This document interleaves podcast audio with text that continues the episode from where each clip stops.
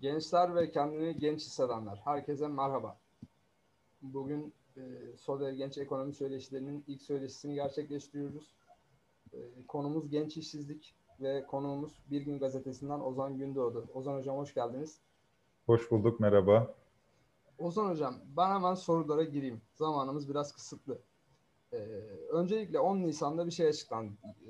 Ee, işsizlik verileri açıklandı. Ve yeni açıklanan verilere göre genç işsizlik %26.1 olarak çıktı. Ee, bunun yanında üniversite mezunu işsizlik 803 bin civarında.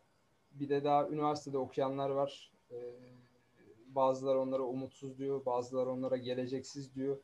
Ee, ve uzun zamandır da bu artışta. Size göre bu artış daha devam edecek mi? Bu artışın belli başlı sebepleri var mı? Yani uzun sürmesinin sebepleri nelerdir? Şimdi e, üniversiteli işsizliğine odaklandığımız zaman aslında artış trendinin 2013-2014'ten sonra başladığını, daha doğrusu ivme kazandığını görüyoruz. Yani zaten 2000'li yıllarda bir artış var ama 2013-2014 ile beraber ivme kazanıyor. Burada 2013-2014'teki ivme kazanmasının sebebi aslında 2010'la beraber e, hızla açılan üniversite sayısı. Yani e, aslında bu ekonomik bir tabir ama her insan gündelik hayatta bir şekilde etrafına bakan her insan vaziyetin farkında. E, sayısı artan şeyin, miktarı artan şeyin değeri azalıyor. E, burada da üniversite sayısının artması aynı zamanda üniversite eğitiminin yaygınlaşması gibi bir olumlu etki yaratırken ama aynı zamanda tersten bu etkinin de yaygınlık kazanmasıyla beraber vasatlaştığını görüyoruz. Yani üniversite eğitimi artık Türkiye'de nitelikli bir eğitim değil, aslında vasat bir eğitim. Aynı zamanda bu kadar çok üniversite mezununu kaldırabilecek bir ekonomik e, altyapısı da yok Türkiye'nin. Yani e, ben sevmiyorum böyle karşılaştırmaları ama bu karşılaştırma bir şekilde bize bir şey ifade ediyor. Almanya ile Türkiye karşılaştırması. E, şu yüzden anlamlı oluyor Almanya ile Türkiye'yi karşılaştırınca. İkisi de 83 milyonluk iki ülke ama e, pazarı daha büyük, gelişmiş bir pazara sahip bir ekonomiyle pazarı daha dar ve yapısal sorunları olan bir ekonomiyi karşılaştırmak adına anlamlı oluyor.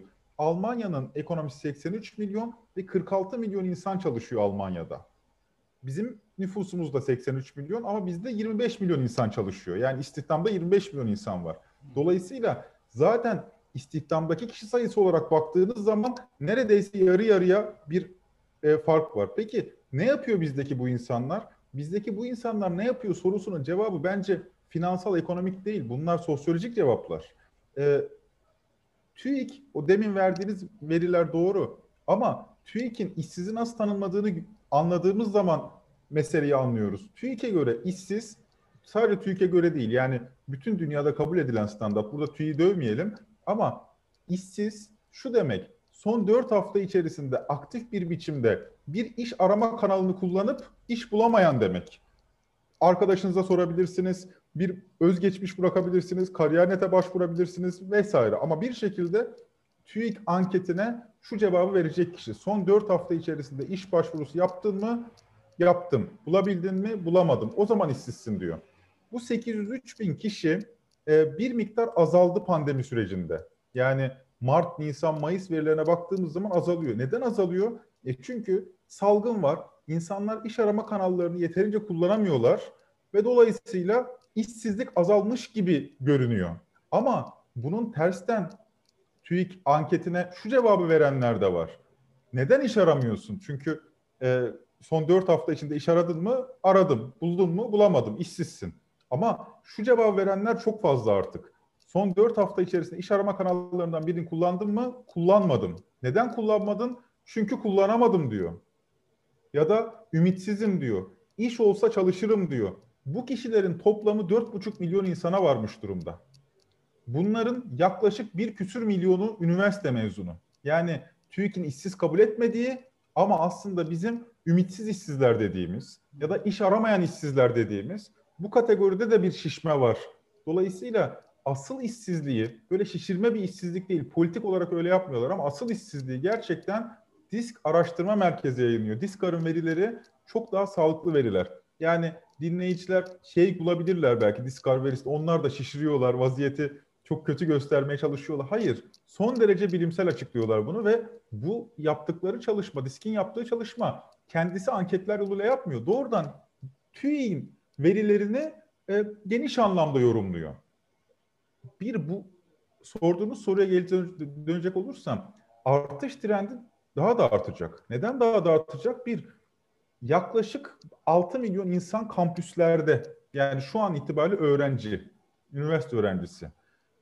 Evet. TÜİK'e göre üniversiteli istihdamı nedir derseniz yani üniversiteli ücretli çalışan, maaşlı veya yövmiyeli üniversite mezunu çalışan kişi sayısı 7 milyon civarında. Bakın bu korkunç bir şey. 4-5 sene içerisinde bir biçimiyle mezun olacak 6 milyon insan var. Ama bizim ekonomimizin kapasitesi 7 milyon üniversite mezununu çalıştırıyor. Bu insanların büyük bir çoğunluğu iş bulamayacak.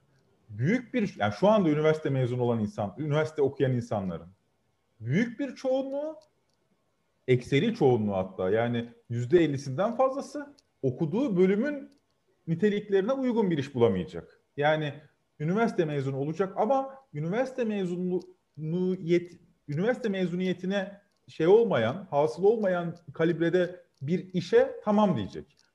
Büyük bir çoğunluğu neredeyse hepsi, neredeyse hepsi arzu ettiği ücreti alamayacaklar. Çünkü bu kadar yaygın bir e, logar kapağından çıkmış gibi boşalan bir üniversite e, mezunları iş gücü piyasasında patronla e, pazarlık yapamayacaklar. Bu kadar işsiz varken bu e, sendikacıların e, çok kullandığı bir ifade işsizlik işçinin sopasıdır derler. Gerçekten öyle çünkü hala hazırda dışarıda birkaç milyon insan ben de iş aramak ben de iş bulmak istiyorum derken iş görüşmesinde işçi ve patron arasında bir pazarlık yapılamaz. Patron son derece üstten, son derece aşağılayıcı bir üslupla konuşur ve biz bunu fark etmeyiz.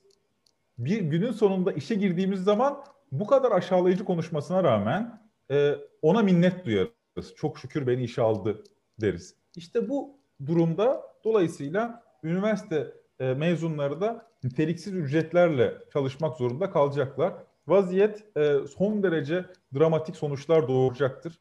E, e bir de tabii bu kadar işsizlik varken sadece üniversite işsizliğine odaklanıyoruz. Bu çünkü dikkat çekici. Son günlerde yani son yıllarda dikkatimizi çekiyor. Hı hı. Ama e, ben size daha kötüsünü söyleyeyim. Üniversite mezunu olmayanlardaki işsizlik daha hızlı artıyor. Yani şunu kaçırmayalım gözden. İnsanlar iş bulma ümidini iş bulma ümidiyle üniversiteye gidiyorlar. Ve üniversite hala iş bulma şansını arttıran bir şey orada. Çünkü e, liseliyle, lise mezunuyla üniversite mezunu yarıştığı zaman üniversite mezunu hala tercih ediliyor. Bu daha büyük, daha korkunç bir şey. Artık dolayısıyla şu tespiti yapmak yanlış değil. Üniversite mezunu olmak iş gücü piyasası için bir lüks, bir avantaj değil, bir zorunluluk. Olmadığınız zaman çok daha kötü şartlarda e, çalıştığınız veya nere, işte iş bulamadığınız e, başka bir senaryo söz konusu.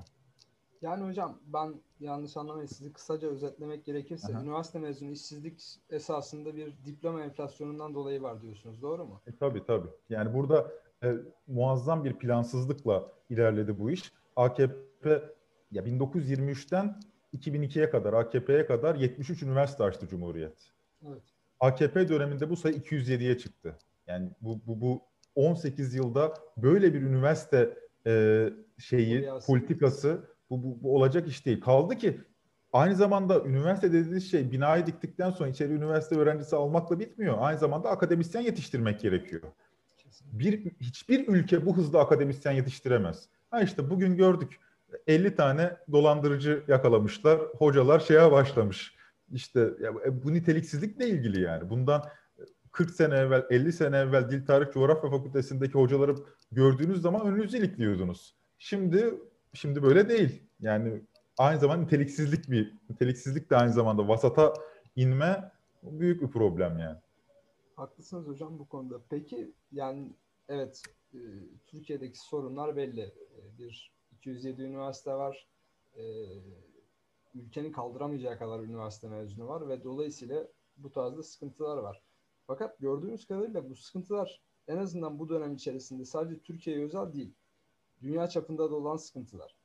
e, bizim sıkıntılarımız daha ileriye sarkacak şeyler mi, sorunlar mı olacak bizim için? Yoksa bütün dünya için bunu söyleyebilir miyiz? Bütün dünya için bunu söyleriz aslında. Türkiye kendi özgün koşullarıyla yaşıyor bunu sadece. Yani söz konusu kriz, açık konuşalım, neoliberalizmin krizi. Yani e, sermayenin mekansızlaşması, mekansızlaşması derken e, bir İngiliz sermayesinden, bir Amerikan sermayesinden ulus olarak bahsedemememiz, mekan olarak bahsedemememiz, sermayenin sürekli yer değiştirebilir olması, sürekli daha karlı olana gidebilme avantajı ama bu esnada emek gücünün e, yerinde sayması. Bu şöyle bir problem doğuruyor dünya çapında. Sermayenin emeğin en ucuz olduğu yerlere, sermayenin kendisine en büyük güzelliklerin yapıldığı yerlere giderken emeğin sürekli şunu yapmak zorunda kalması. Sermayenin gelmesi için benim daha az kazanmam lazıma razı oluyorlar. Yani e, Berat Albayrak'ın aslında rekabet gücü diye söylediği şeyi Türk halkı anlayabilse aslında büyük bir ihanet olduğunu görür. Rekabet gücü şudur. Bir, yerli paranız değersiz olmalıdır. De, diyor ya zaten dolar kuru arttığı zaman rekabet gücümüz artıyor diye. Bir, yerli paranız değersiz olsun. İki, emeğinizin kıymeti değersiz olsun. Üç, verginiz sermayeden değil geniş halk kesimlerinden alınsın. İşte rekabet gücünü arttıran üç şey budur. Yerli parayı değersiz kıl. İşte Özal dönemi politikasıdır bu. Sürekli devalüasyon. Böylece dışarının parası, yabancının parası Türkiye'de değerli hale gelsin ve böylece dışarıdan Türkiye'ye sermaye akımları gelsin. Bak yabancı sermaye geldi ne güzel diyelim. İki, mümkün olduğunca ucuz bir emek gücü sahası yarat. İşte bunu 2000'li yıllarda Avrupa'nın Çin'i olacağı söyleminden duyuyoruz. Üç çocuk yapın söyleminden duyuyoruz. Suriyeli mülteci politikasından görüyoruz. Ne kadar çok insan yığını varsa burada emek o kadar değersizleşir. Ve aynı zamanda üçüncüsü vergi politikası. Sermayeden değil geniş halk kesimlerinden. Utanmadan şunu söylüyorlar. Vergiyi tabana yayacağız diyorlar. İşte bu bu üçü rekabet gücünü arttırmak için yapılıyor. Bu da zaten yabancı sermaye dal kabukluğudur. Yerli milli dediklerine bakmayın. Türkiye'de Türk lirası ne kadar değer kaybediyorsa yabancı sermaye için Türk şirketlerini satın almak o kadar kolay hale geliyor. Bugünlerde neredeyse bütün özel şirketler yabancı sermaye ortağı arıyorlar kendilerine. Çünkü ne borç bulabiliyorlar ne sermaye yapıları o kadar kuvvetli bu krizi kaldırabilecek kadar kuvvetli. E ne yapacaksınız? Türk bir şirketsiniz, yerli bir şirketsiniz. Ne yapacaksınız? Dışarıda kurduğunuz ortaklık ilişkileriyle ancak ayakta durabilirsiniz. Bu ne demek? Bu Türkiye'nin bütün pazar yapısının kompradorlaşması, bütün pazar yapısının yabancı ortaklar araması demek. Böyle yerli milli politik olur mu? Yani meseleden bir miktar anlayan vatandaş zaten bunlar böyle yerli milli dedikçe tüyleri diken diken oluyor. Olur mu da öyle şey?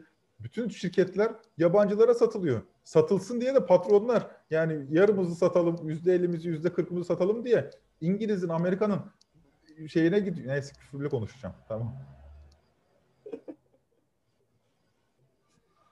Yani öyle yerli milli politik olmaz yani. Hocam peki az önce siz de değindiniz. Ee, örneğin Suriye'den mülteciler geldi ve Suriyeli mültecilerin e, belki de zararı emek piyasasındaki ücretin düşmesine sebep oldu. Yani Türkiye Cumhuriyeti'nde yaşayanlar için kendileri için zaten çok zorlu hayat koşulları söz konusu. Ve esasında Suriyeli mültecilerin e, gelişine sevinen ve bundan kazançlı çıkan tek taraf sermayedarlar oldu. Çünkü daha ucuz bir iş gücü buldular. E, burada evet. bunu başardılar. Suriye krizinden bu şekilde çıktılar.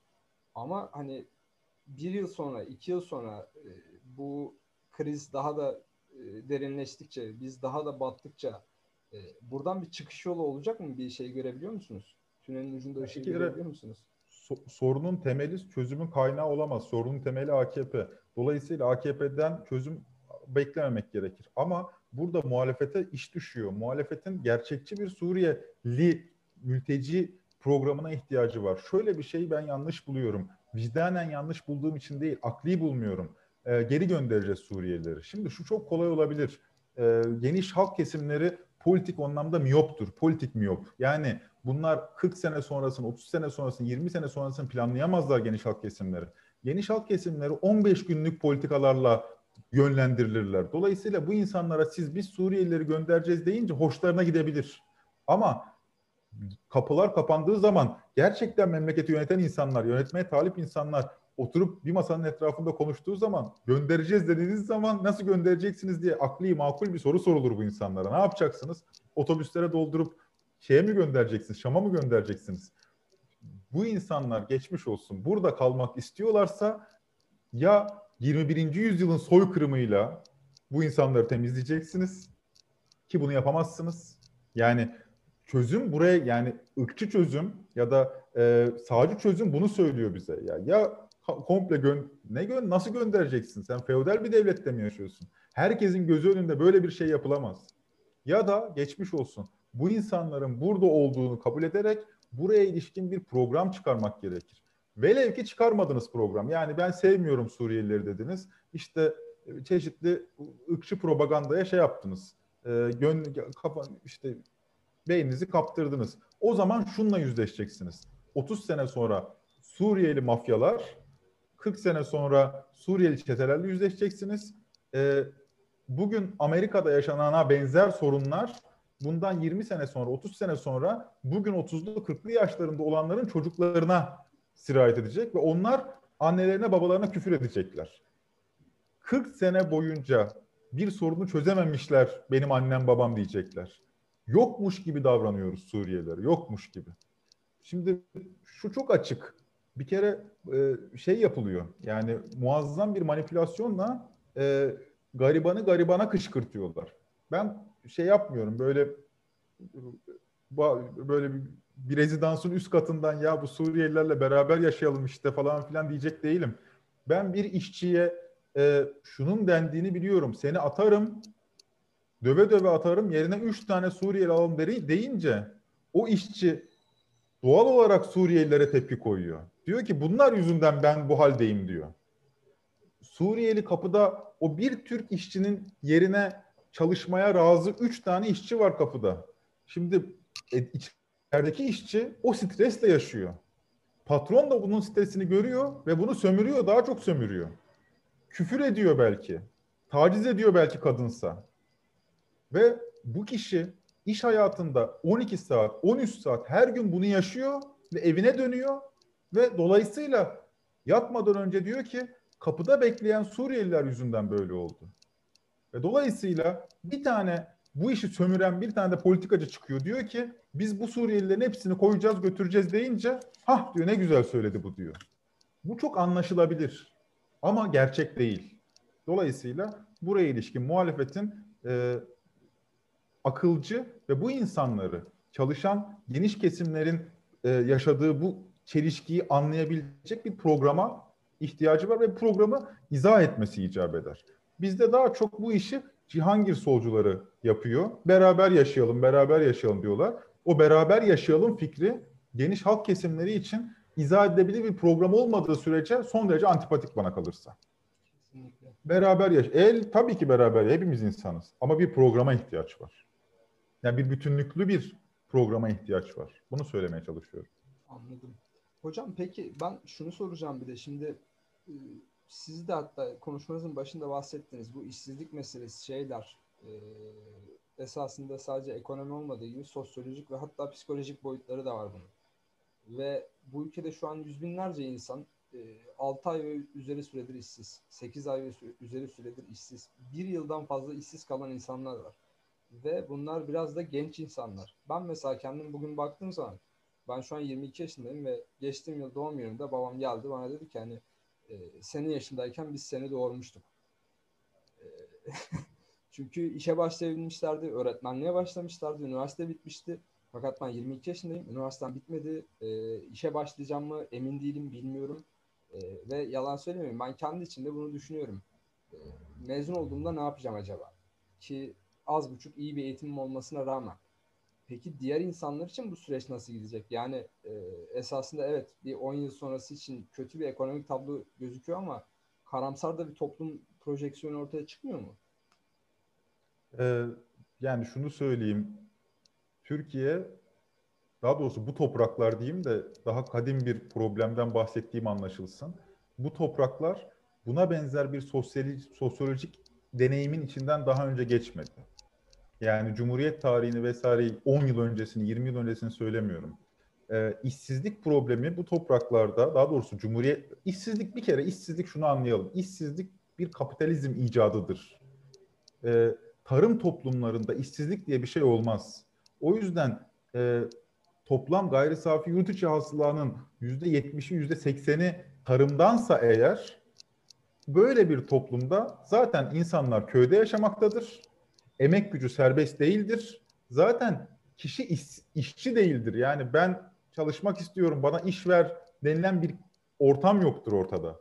Dolayısıyla işçi yoksa işsiz de yoktur. Bizim problemimiz e, işsizlik problemi dolayısıyla kapitalizme içkin bir problemdir. Ne zaman ki emek gücü ben bu niteliklere sahip bir kişiyim bana iş ver diye piyasaya çıkar o zaman artık kişi işçi veya işsiz olur. Dolayısıyla şunu kavrayalım. Türkiye'de kapitalizmin gelişimi 19. yüzyılla beraber yarım yamalak, daha sonra Cumhuriyet'le beraber biraz kamu gücüyle ama en çok 1950'li 60'lı yıllardan sonra başlamış ve gelişmiş ve erişkin hale gelmiş. Menderes'in küçük Amerika olacağız söyledi. Heh, heh, aynen. Kapitalizm böyle başladı demiyorum ama kapitalist gelişme, sermaye birikimi, sanayileşme ancak bu yıllarda başlamış. Ee, Türkiye'nin en eski burjuvalarından Vehbi Koç ve kurumsallaştırmış bunu. Vehbi Koç 1902 doğumlu. 1902 doğumlu bu kişi 1950'li yıllara kadar tüccardı. Yani bir üretimin içinde değildi. Fabrikasını ancak 2. Dünya Savaşı'ndan sonra kurdu. Yani sanayiye geçmesi 1950'li yıllara rastlar ve daha sonra 1960'lı yıllar DPT öncülüğünde planlı kalkınma dönemi ve 1980'den sonraki dönem neoliberal dönem. Türkiye'de işsizlik dolayısıyla kapitalizme ilişkin bir şey ve kapitalizmin en acımasız versiyonu olan neoliberal kapitalizm 24 Ocak kararlarıyla 1980'den sonra başlamışsa da bu dönüşümün e, tamamlayıcı partisi AKP oldu. Yani 2002 ile beraber ortaya çıktı. 90'lı yıllar, 80'li yıllarda bu tip bir işsizlik oranıyla veya işsiz sayısıyla karşılaşmamıştık. Çünkü henüz köyden kente göç mobilizasyonu tamamlanmamıştı. Bak 1980 yılı itibariyle yeni baktığım için doğru veriyi söylüyorum. 1980 yılında bu memleketin %56'sı köyde yaşıyordu. %56'sının köyde yaşadığı bir memlekette doğru düzgün işsizlikten bahsedemezsiniz. Zaten kapitalizmin yapısı da son derece yaygın değildir. Yani bütün kurumlarıyla memleketin dört bir yerine yayılmamıştır kapitalizm. Bugün bu oran köyde yaşayanların oranı yüzde yedi. 80'den bugüne 25 milyon insan 1980'den bu yana 40 yılda 25 milyon insan yüzyıllardır atasının babasının yaşadığı yerden kalkmış ve köye e, kente göç etmiş. Kente göç eden bu insanlar ben ne iş olsa yaparım diye patronların kapısına gitmişler. Patronların da istediği bana güzel. Zaten 80'den sonra reel ücretlerin çok sert şekilde düştüğünü görüyoruz. Bu dönemde yaşadığımız e, 80'li 90'lı yıllardaki %8 %9 bandındaki işsizliği işte 1,5-2 milyon işsizliği, 1,5-2 milyon sayısı itibariyle 1,5-2 milyonluk işsizliği o 50-60 milyonluk nüfus bir biçimiyle sübvanse edebildi. Yani bir biçimiyle bakabildi buna. Bu bizim yaşadığımız sert bir deneyimdi. Yani 80'li 90'lı yıllar işsizliği. Ama artık 2010'lar ve 2020'lerle bu toprakların deneyimlemediği bir şey yaşıyoruz. O yüzden sosyolojik diyorum. İşsiz Türkiye'de işsizlik oranı Güney Afrika'daki kadar yüksek çıkmaz. Yani yüzde otuzları yüzde kırkları görmez. Çünkü şu oluyor. Mezun oldum. iki sene geçti. iş bulamadım. Ne yapıyorum biliyor musunuz? Evleniyorum. Bana karım bakıyor veya evlenmiyorum. İşte annemin yanına yerleşiyorum. Veya e, 4-5 kişilik koallerle yaşıyorum. Yani buna benzer yöntemler deniyorum. Aile bağları kuvvetli olduğu için işsizlik aile içi ilişkilerle sübvanse edilebiliyor. Yani 18-19 yaşında kişinin aileyle ilişkisi hala kuvvetli. Bu ilişkinin biz artık 30'a kadar yükseldiğini görüyoruz. Yani 30'a kadar kişi ailesiyle yarı bağımlı yaşıyor ve dolayısıyla şunu bir, bir en azından bunu söyleyebiliriz. Dolayısıyla 70'li 60'lı yıllardaki 20'li yaşlarındaki insanla 2010'lu 2020'li yıllardaki yaşlardaki yıllardaki 20'li yaşlardaki insanın olgunluk farkı daha farklı. 1970'li yıllarda e, erken olgunlaşan, e, hayatını organize edebilen, geliri sahibi, e, ve geleceğe ilişkin plan yapabilen bir genç birey vardı 1970 yılı için. Ama 2010-2020 yılı için 20'li yaşlardaki kişi geleceğini kontrol edemeyen, ayakları yere basamayan, ailesiyle yarı bağımlı ilişki kuran, toplumun ona e, saygı duymadığı, çünkü ne ki bu? Gencecik çocuk daha işte şeyi bile yok, geliri bile yok denilen e, büyük bir problem yaşıyor. Bu iki bu, bu yeni bir problem. Geleceğe ilişkin ne olur derseniz dolayısıyla benim yalnızca tahminlerim olabilir. Çünkü bu toprakların deneyimlemediği bir şey olduğunu bu yüzden söylüyorum. E, bana gelecek bu yüzden karamsar görünüyor. Eğer ki e, aklımızı başımıza alıp e, bu milliyetçi muhafazakar hamasetten uzaklaşıp bir biçimiyle e, solda duran ya da sol demeyelim belki tanımı da çok değişti artık bu işin ama bir biçimiyle e, gerçek hayattan gücünü alan, maddi hayattan gücünü alan siyaset kurumlarına müdahale olmazsak eğer geleceğimizin ben çok parlak olduğunu düşünmüyorum. Cem Toker'in dediği gibi Cem Toker ben aynı fikirde değilim Cem Toker'le. Yani ideolojik olarak çok farklıyız ama Cem Toker bir şey öneriyor. Diyor ki gidin diyor bu memleketten diyor. Değil mi yani ben görüyorum tweetlerini. Bavulunu toplayın diyor, gidin diyor. Yani eğer ki bir programınız yoksa elinizde e, en mantıklısı o görünüyor. Çünkü son derece karamsar bir tablo var. Ben diyorum ki gitmeyelim. En azından burada e, bir şekilde gerçek hayattan gücünü alan siyasete müdahil olacak kanallar bulmamız lazım biz. Kesinlikle. Hocam yani sizin nesilleri çok iyi e, gözlemleyebildiğimi söyleyemem ama ben kendi yaşıtlarıma baktığım zaman şeyi görüyorum yani e, herkeste bir şey var. Mahcubiyet var. Yani işsiz kalmaktan kendileri sorumlular sanki. E, ailelerine karşı mahcuplar, arkadaşlarına karşı mahcuplar onlarla iki yerine bir çay içtikleri için. Sevgililerine karşı mahcuplar bazıları ekonomik sebeplerden sevgili yapmıyorlar. Gezip tozamayacağı için ve bir yandan da şeyi görüyorlar hocam hani özellikle sosyal medyada geçen gün mesela şey olmuştu. Viral olmuştu. Genç bir çocuk bir haftada çalıştım ve bu arabayı aldım diye bir resim paylaşmış. Ve orayı gördüğü zaman insanlarda bir şey başlıyor. Ee, ulan acaba hani niye orada öyle burada böyle ve e, uzunca da bir dönemdir şey muhabbeti dönüyor sürekli. Siz buna ne kadar katılıyorsunuz ya da doğru buluyor musunuz bilmiyorum. E, AKP'nin gençlerden aldığı oylar eriyor nesil gençleştikçe AKP geriliyor, geriliyor, geriliyor. Sizce hakikaten AKP'yi bitirecek olan gençler mi olacak? Yani şu çok popüler Z kuşağı ya da ondan sonra gelecek olanlar e, ya da bir de şeyi sormak istiyorum. E, evet örneğin Z kuşağı AKP'ye cephe almış gibi gözükebilir. E, ama muhalefet onları yanına çekebiliyor mu sizce? Yani bir kurultaya rap müzikle girmek yeterli oluyor mu bunun için?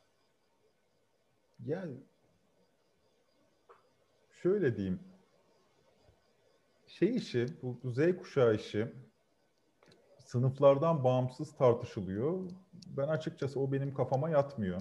Ee, ben üniversitedeyken işte Y kuşağı diye bir şey tartışılıyordu. Böyle bir 2008'li 2009'lu yıllarda üniversite hareketi biraz şey olunca e, yükselince o zaman da Y kuşağı tartışmışlardı. O zaman da buna benzer konuşmalar olduğunu hatırlıyorum. Hatta 2011 seçimlerine gelirken işte AKP'yi gençlik bitirecek falan filan gibi e, şeyler konuşuluyordu yani. Bu, bu, bu, bu yine bu dönemde konuşulacak. Ama şu konuda ümit varım tabii. E, AKP seçmeninin bir sınıfsal analizini yapmak icap eder. E, bu benim gözlediğim yerden bu şöyle bir şey. Bir kere e, Türkiye'nin kapitalist gelişimi 1980'den sonra neoliberal yörüngeye girdi. Neoliberal yörüngeye girmesi şu demek, aynı zamanda iş gücü piyasasının güvencesizleştiği, e, emeğin ucuzladığı, reel ücretlerin düştüğü, e, emeğin yeniden üretim alanları dediğimiz, yani ertesi gün işe gitmesini sağlayan, kişinin ertesi gün işe gitmesini sağlayan e, ve nitelikli bir şekilde işe gitmesini sağlayan, eğitim, sağlık, ulaşım, barınma, enerji gibi e, alanların artık sektörel olduğu, piyasalaştığı e, bir, bir model bu. Bu modelde e, tarımın da tasfiyesi, küçük çiftçiliğin tasfiyesi aslında oranın da sermayeleşmesini beraberinde getiriyor. Türkiye'de e, iş gücü piyasası çok değişti. Köyden kente göç e, Avrupa'nın yaşamadığı, Amerika'nın yaşamadığı hızda Türkiye'de oldu ve zamanda Türkiye'de oldu. Yani Avrupa, Amerika e, köyden kente göç meselesini 19. yüzyılda e, 3 aşağı 5 yukarı tamamlarken Türkiye bu işi 1980 ve 90'a hatta 2000'li yıllara sığdırdı. Bunun bir sosyolojik sonucu var. Kentte yaşayan insanların büyük ölçüde şu anda 40'lı 50'li yaşlarında olan, çocukları Z kuşağından olan, kentte yaşayan bu insanlar büyük ölçüde köylüler. Köylü olmaları, kentte yaşıyorlar ama köylüler. Köylü olmaları aynı zamanda e, o köylü özelliklerini göstermelerini de beraberinde getiriyor. Bir, bir kere bu insanlar köyden nasıl göç ettiler? Büyük ölçüde eğer küçük toprak sahibi ise köyde, büyük ölçüde kentteki e, konumlanışı esnaf oldu. Eğer ki köydeki küçük toprağı esnaflık yapmaya yetecek sermaye birikimine neden olmadıysa kentte bu kişi işçi oldu. Eğer ki köyde bir ölçekte büyük toprak sahibi ise kentte son 20-30 yılda bir kobi sahibi olabildi. Ama e, o köylü alışkanlıkları değişmedi. Bunun köylü alışkanlıkları ne? Köylü alışkanlığı derken bir kere kente göç ettikten sonra kentte yerleşik düzende olanlarla çatışmaya girdiler. Nasıl çatışmalar bunlar? Bir, kentteki elit diye kimi gördü? E, kentte elit diye doktoru gördü, mühendisi gördü, mimarı gördü, öğretmeni gördü. Bunlarla yaşadıkları kültürel çatışmalardan ise siyasal İslamcılar son derece beslendi ve burayı manipüle ettiler. Siyasal İslamcı söylemin kentli meslek sahiplerine dönük hıncı aynı zamanda dönüp köyden kente göç edenlerin de rızasını almasını sağladı. Dolayısıyla e, çalışan kadına, meslek sahibi kadına, e, doktora, e, öğretmene dönük şiddet eylemlerinin ben bir miktar e, siyasal İslamcıların bu söyleminden kaynaklandığını düşünüyorum. Öte yandan köyden kente göç ve bu göçün beraberinde getirdiği bir e, sonuç daha var ki kente göç edenler hep böyle konuşuluyor. Ben hep karşı çıktığım bir şey. AKP'ye oy verenler yoksullar, fakirler diye söylüyor. Hayır öyle şey olmaz. Sosyolojik analiz gelir düzeyine göre yapmamalıyız. Sosyolojik analizi üretim aracıyla kurduğu ilişki üzerine yapmalıyız. Kim bu insanlar? Bu insanlar evet belki düşük gelirli olabilirler. Ben de düşük gelirliyim ama. Bu, bu benle onu eşitlemez. Türkiye'nin yüzde çalışanların istihdam edilen, ücretli istihdam edilenlerin yarısı asgari ücretle çalışıyor. O, zaman bu, bunların yarısı aynı fikirde. Böyle değil. Üretim ilişkisiyle kurduğu, üretim aracıyla kurduğu ilişki farklı AKP tabanının. Bir bir kere düşük gelirli olabilir çoğu ama düşük gelirli olmakla beraber çok tehlikeli bir sınıfsal pozisyonları var. Düşük mülk sahibidir bunlar. Mülk sahibi derken bankada parası yoktur belki ama bir gayrimenkulü vardır. Bir arazisi, arsası, köyde bir bağı, bahçesi vardır. İşte onu hayata tutunduran yegane güvence o küçücük mülküdür. O küçük mülk bu kişinin hayata muhafazakar bakmasını sağlar. Çünkü o küçük mülkü tehlikeye girer ise hayatla kurduğu bütün güvenceli ilişkisini sona erdirecektir. Toki'deki bir ev veya köydeki bir tarla onun için son derece önemlidir. Bunun değerlenmesi de son derece önemlidir. Eğer böyle bir sınıfsal pozisyona baktığımız zaman işte şimdi kentte 1970'li yıllarda meslek sahibi olmuş doktor mühendis çocuklarının kentte yaşadığı sıkıntıları daha iyi anlayabiliriz. Bu çocuklar kentte üniversite mezunu oluyorlar ve fakat ceplerinde tek kuruş para yok. Kaldı ki AKP tabanı gibi mülk sahibi de değiller. Tümüyle mülksüzler. Ne araba, ne ev, ne arsa. Ne var? Sadece satabilecekleri emeği var. Türkiye'nin en güvencesiz kesimleri, en yoksul, en gariban, en fukara kesimleri dolayısıyla AKP dışı kesimlerdir bu anlamıyla. İşte çözülen orta sınıflar derken bu işi doğru analiz etmek gerekir. Ha ama şu anda ümit varım, şu konuda ümit varım. E, bu köyden kente göç hareketi artık yavaşladı ve durdu. Çünkü bitti artık yani köyde kimse kalmadı, boşaldı köyler. AKP tabanının çocukları ile e, kentte yerleşik kesimlerin çocukları artık çünkü kent metropol artık karmaşıklaşıyorlar, bir araya geçiyorlar, birbirleriyle etkileşime başladılar. Dolayısıyla e, 1980'li 90'lı yılların muhafazakarlarıyla 2020'li yılların genç muhafazakarları birbirinden çok daha farklı. 2020 yılların 20'li yılların genç muhafazakarlığı genç muhafazakarları bizi yani kentte yaşayan veya AKP'li olmayan kesimleri daha iyi anlayabiliyor ve gözlemleyebiliyorlar. Ve artık gençler parti ayırmaksızın şunun farkındalar. 21. yüzyıldayız. 21. yüzyılın gerekleri AKP'nin bize söylediği şeyler değil. Yani arkaya bir fon koyup işte bayrak şiiri okuyarak gaza gelmiyor bu gençler. Bunlar ancak 30'lu, 40'lı, 50'li yaşlardaki insanların rızasını alabiliyor. Buraya dönük e, başka bir politikaya ihtiyaç var. E, bir de benim gözlemlediğim kadarıyla e, siyasal İslamcı gençler eskisi kadar entelektüel abileri, ablaları olmadığı için razı olamıyorlar. Yani üniversitedeki hegemonyaları da bir miktar azalmış durumda. Benim hatırladığım kadarıyla bundan 10-15 sene evvel üniversitede siyasal İslamcı gençler bir miktar e, şey yapabiliyorlardı. E, beslendikleri kaynaklar vardı. Ya düşünsenize televizyona baktığınızda bile anlıyorsunuz. Bundan 10 sene evvel televizyonda Ali Bayramoğlu ile tartışılırdı.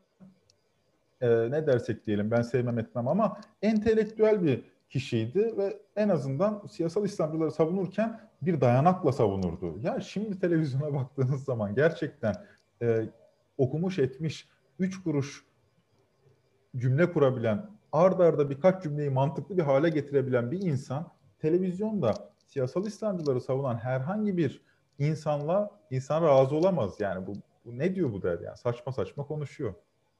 O anlamda gençler e, AKP'ye razı olmayacaktır ileri vadede diye düşünüyorum. Ha ama şöyle de bir gerçeklik var. Bu Türkiye'de muhalefetin önemli bir sorunu. Ben bir şey yapmaz isem o zaten eriyor.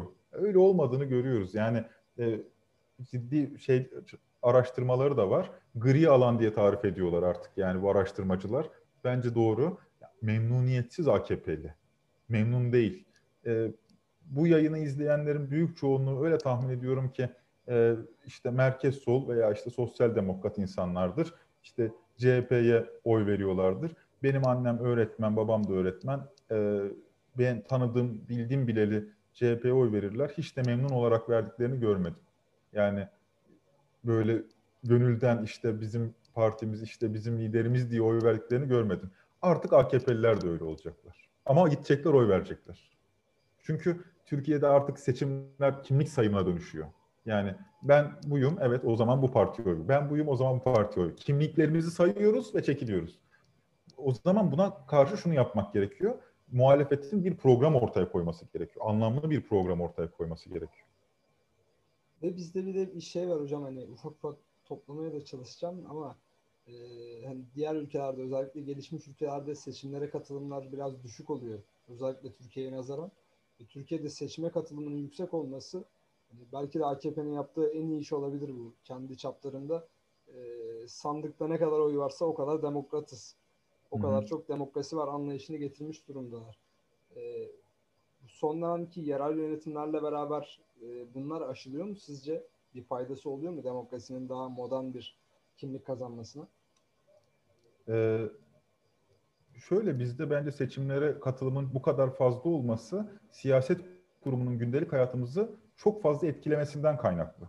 Ee, gelişmiş, kurumsallaşmış bir Avrupa demokrasi için düşünürsek e, başbakanın, cumhurbaşkanının kim olacağı e, bizdeki kadar insanların hayatını etkilemiyor.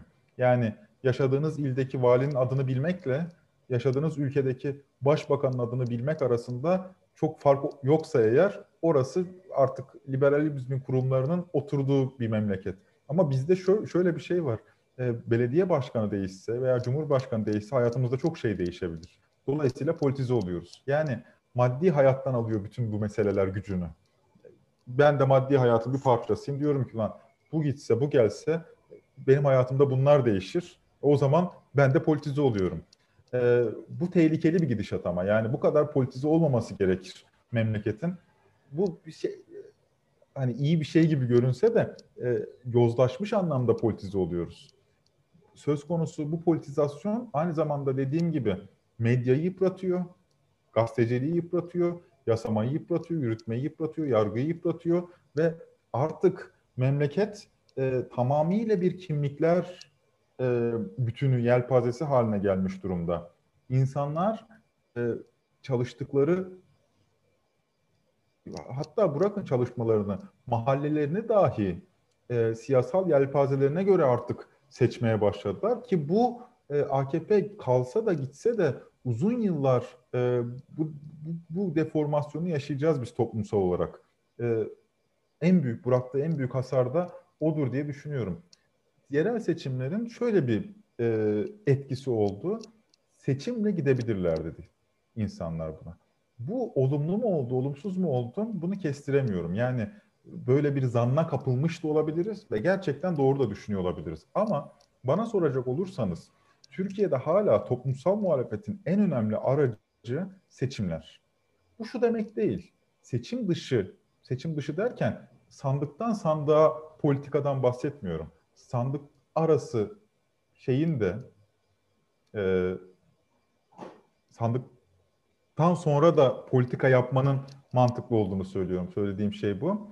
E, ve seçimleri zorlamanın toplumsal muhalefet adına tek alternatif olduğunu görüyorum. Fakat dediğim gibi burada e, AKP karşıtı muhalefet güçlerinin e, şöyle bir zanna kapılması gibi bir dezavantajı oldu bu işin. Yerel seçimleri kazandık. Nasıl kazandık?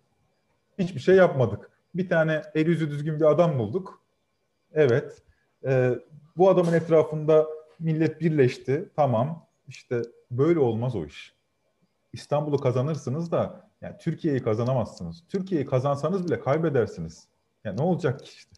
Yani yüzde bir oy alan bir e, başımızda kişi var. E, o kişiye karşı bir yakışıklı adam bulursunuz. Geri kalan insanlar e, birleşirler. İşte hiçbir program yok ortada. Nasıl yöneteceği belli değil. Bir yandan Deniz Gezmiş'i e, kutlar, sever. Bir yandan Alparslan Türkeş'in mezarına gider. Her kimliğe böyle boncuk dağıtır. Seçim de kazanırsınız. Bak gerçekten söylüyorum. Yani seçim de kazanırsınız. Ama iktidarınız 4-5 ay sürecektir. Böyle bir durumda.